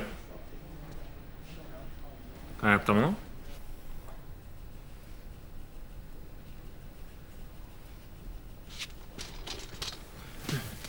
Du må høre på meg. Kari? er. Du bare vent. Jeg elsker deg. Kari. Alt er i synk nå, Kari. Jeg elsker deg. Jeg elsker deg. Du Jeg Slutt! Jeg orker ikke mer. Du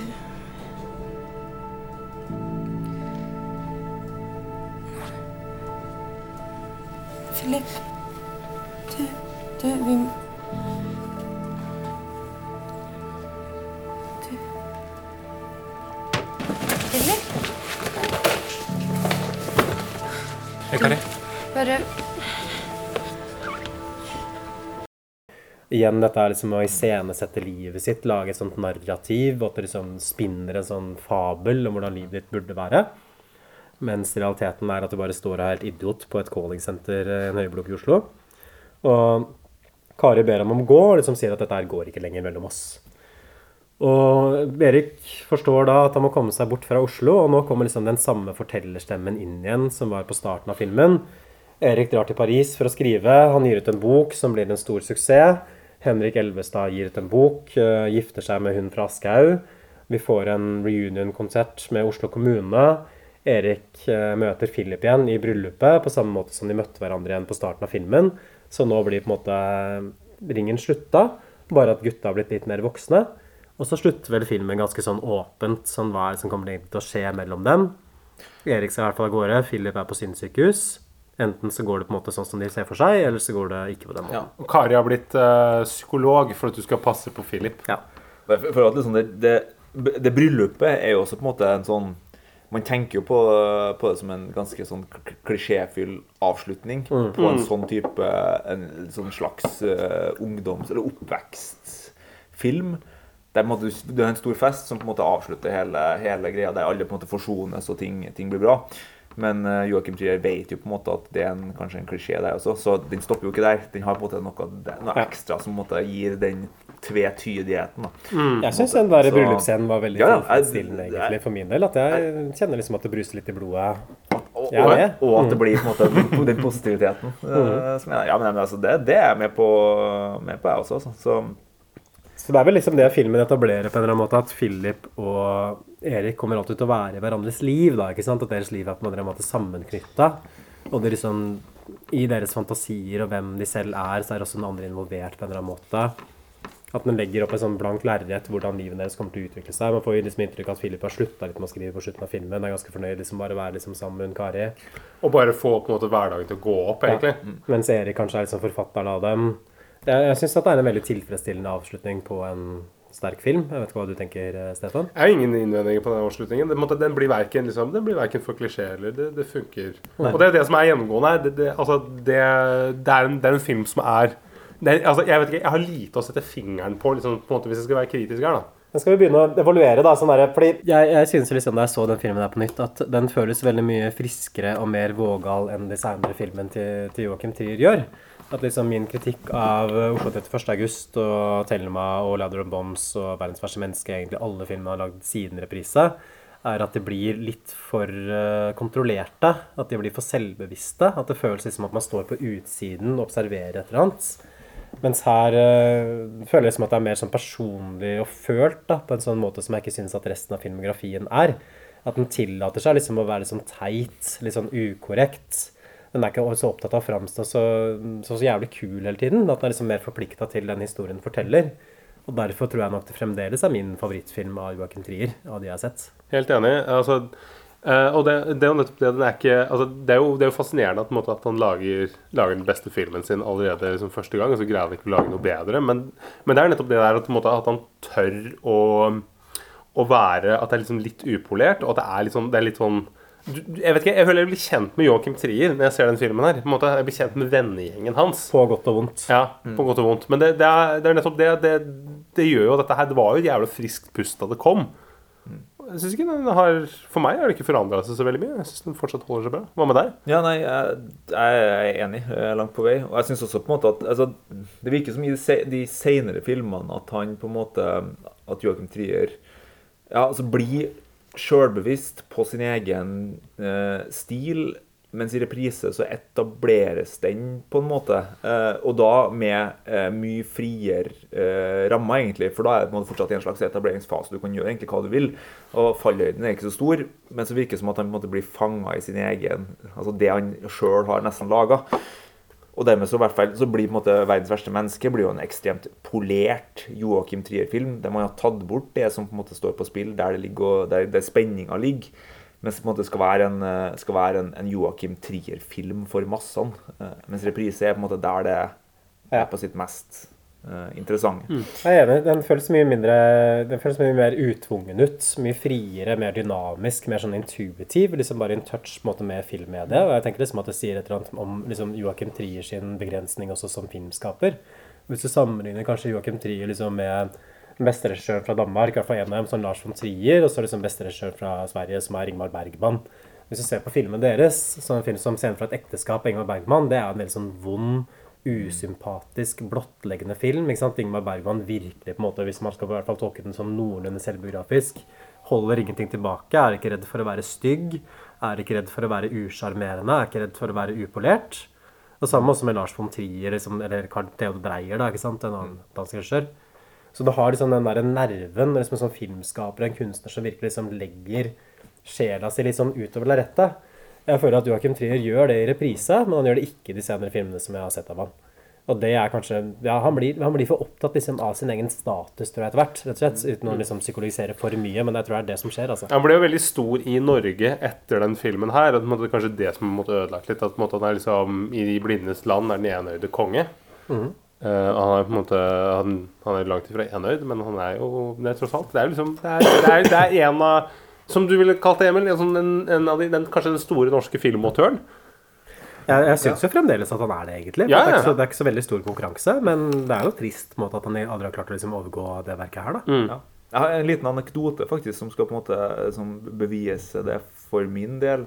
Jeg var på kino for et, ja, et års, par års tid siden kanskje.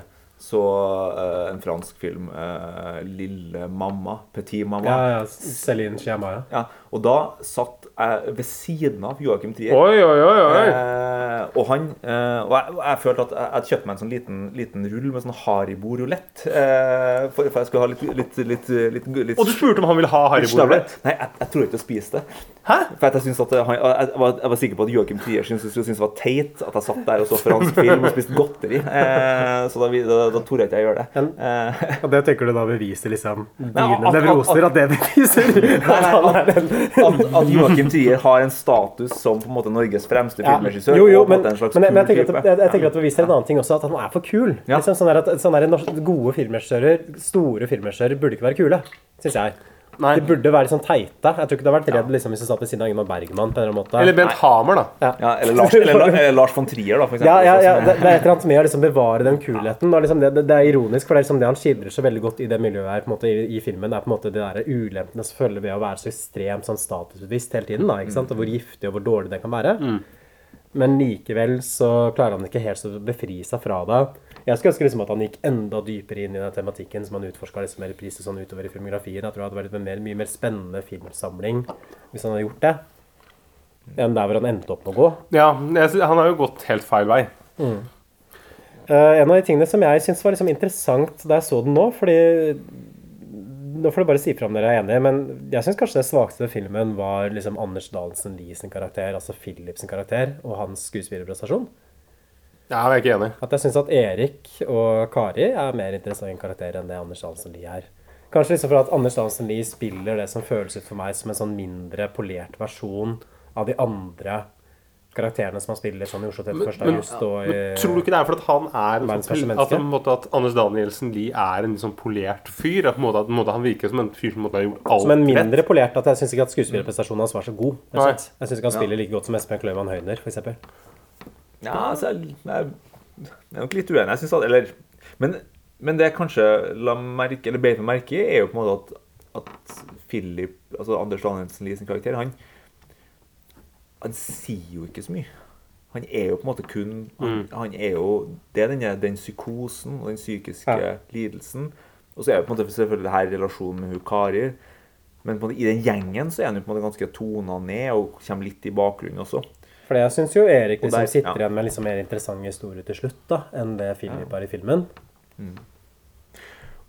Det er min mening. At den, ja, det er bare, for det er liksom alltid tenkt på liksom, Dette er liksom Anders Dahlensen Lie sin film. Da, ikke sant? Ja. måte Han som er hovedpersonen. Mens jeg liksom satt igjen og tenkte at ja, Jeg tenker også at det er, det er Erik, altså Espen Kroman Høyre, Høyre, som er på en måte hovedpersonen. Ja. Eh, mens, mens på en måte det er Der også så er det jo, er det jo Eller jeg tenkte i hvert fall nå når jeg så den igjen Tidligere så har jeg på en måte eller sett på den filmen mer som en sånn, sånn, sånn kul eller ungdomsfilm. Nå syns jeg på en måte at den, den, den psykiske lidelsen og, og på en måte eh, unge menns usikkerhet, som på en måte de andre sitter med eh, i den gjengen, mer, var mer framtredende. Mm. Eh, og da også på en måte som en som ikke en sånn romantisering egentlig av den psykiske lidelsen. Fordi at du ser på en måte at Philip det, er, det, er en, det, det gjør at han på en måte egentlig ikke vil skrive eller på en måte klarer å fungere. Men Erik sin karakter han romantiserer på en måte den psykiske lidelsen litt. Og det er der på en måte det skjer. Altså, altså, det er kanskje noe med styrken til filmen også, at, at, at Trier klarer å klarer på en måte å gi, altså gjør de klisjeene eller referansene til en del av den ungdomsgjengen, snarere enn på en måte å gjøre det til en del av på en måte uh, filmen. Eh, ja liksom, de får inntrykk liksom at dette er, det er ikke liksom de eller Det er ikke sånn at man liksom har forsøkt å lage film om et sånn typisk miljø, men det er de som forsøker liksom å spille i Ja. filmen om Ja. seg sjøl. Ja.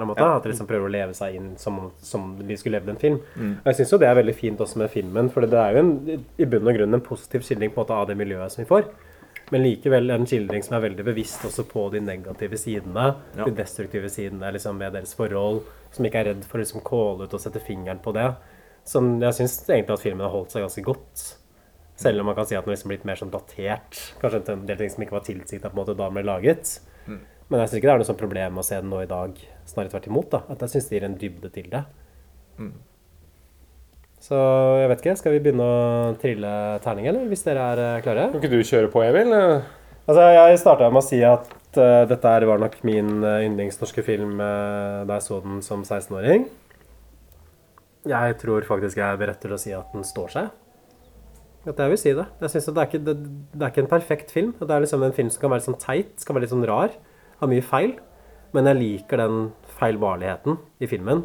At det føles mer menneskelig ut for meg. Ikke sant? Det føles mer organisk, føles mer dynamisk enn det nesten andre norske filmer som jeg har sett. Så da må det jo bli en firer, da, til min favoritt norske film. Nei, det, det blir, eh, det blir terningkast seks for meg. Det gjør det. Du gjorde det veldig spennende. Uh, nei, altså, jeg, har, eh, jeg kan jo bare gønne på videre. Jeg har ikke noe liksom, så mye mer å si enn det jeg har sagt. For den her har vi diskutert i det vide og det brede. Og for meg så er det en sekser. Jeg lander på sekseren, men den er, eh, den er litt sånn svak. Men, men det, det, at en film er terningkast seks, det behøver ikke bety at det er en perfekt film. Nei, men det, jeg det er den ikke. Det er det åpenbart ikke. kan si, eh, jeg kan si, fordi jeg er jo på en måte anerkjent anmelder og en jobbet mye med å sette terningkast. Jeg vil på en måte si at Det som er greia, er at du har ikke noe Du kommer ikke på så veldig mye sånn forbedringspotensial som ville gjort måte, filmen bedre. Ok, litt svake kvinnekarakterer her. Det, Men det må vi bare men si. det, er- det, er på en måte litt en del av Ja, filmens det er det. univers. Det er også, for den skildrer på en måte et sånt univers hvor ikke kvinner har noe plass. Nei. Ikke sant? Og den er liksom bevisst på det. Det er det. Eh, Det er veldig bevisst på det. Og så kan man si hva man vil om uh, Joachim Trier, eh, men det er, det er en altså, dette er, det, er ikke noe, det er ikke noe å si. Dette er Det var et friskt pust da den kom, og det oppleves fortsatt som et, liksom, et friskt pust nå i dag. Jeg mener du, Vil du si at det er den beste norske film som har laget noensinne, Stefan? Eh, jeg tror det er den beste filmen vi har sett i uh, vår podkast. Ja. ja, men vi kan ikke si at det er den beste, for vi har ikke sett alle norske sett filmer. alt, og det er jo på en måte vår, vårt mandat er jo å se flere. Så plutselig dukker det opp en annen. Kanskje f.eks. Andreas Korset Det er, er, sånn en som det er på. Oscar-prisutdelingen, er det ikke det? Sånn er, de sier jo det som er sånn forbehold når skal dele ut beste film på Oscar. Vi har ikke sett alle filmer som er lagd i hele verden dette året her. Nei. Hva med deg, Amund? Hva syns du? Nei, altså, jeg, jeg, jeg, jeg syns, syns den står seg. Eh, enig med dere. Uh, det er, noe, det er en, det er en ganske vond, vond film på mange områder. Den er Men, komplisert. men, men, men det, man, det jeg egentlig sitter igjen med, er på en måte en sånn Det, det, er, en, det er noe livsbejaende. Ja, veldig. Man Jeg ble blir- rørt og gira og glad av å se den. at det er noe sånn, det, det, er noe, det er noe vekker noe veldig positivt i meg også. Og den klarer de to tingene, og er på en måte såpass interessant som den er eh, i formen, vil jeg si. da. Eh, så altså Jeg kan eh, slenge meg på terningkast seks, jeg òg. Ja, Er det første gang som har skjedd i podkastens historie med to I hvert fall med tredoble sekstere, men også doble sekstere, tror jeg. Det har aldri skjedd, eh, og det er jo Det sier kanskje noe om den filmen der. Jeg hadde måttet ga håpe to sekstere til Flåklypa Grand Prix. Ja, den er jo veldig bra. Og, på en måte, og det eh, ja, Flåklypa Grand Prix og reprise, det, er på en måte, det, er, jo, det er jo sammenlignbart. Sku, Det er det som skal skytes opp i vår romrakett liksom ut i universet. Hvis vi skal, liksom, hva er det vi har prestert sånn filmmessig til å sende ut i romvesenet der ute? Så vil jeg gjerne sett den siste det, er et, det er et rart land. Den siste Fleksnes og Fredrikssons fabrikk burde også være med i den eh, raketten. Ja, det, det blir et enda rarere land, altså. Ja, men da får de på Det er et slags mangfold. Det er jo hyggelig, det. Det er ikke alltid det beste man må sende. Man må sende litt variasjoner og alt. Det er litt sånn som oste-VM. Det er jo ikke de beste ostene som kommer til oste-VM. Det er jo bare sånn Det er fortsatt noe trøndersk ost som vinner. Ja, det er sant. Snikskryt der. Men, men på den der, eh, dere som hadde håpet på mer friksjon og uenighet, det blir altså trippel seks fra oss. Og ja, nå må vi bare, bare si ha det bra og stikke av gårde. Vi må nesten, vi må nesten det. Ja, For nå stenger podkaststudioet vårt. Ha det. Ha det bra. Ha det.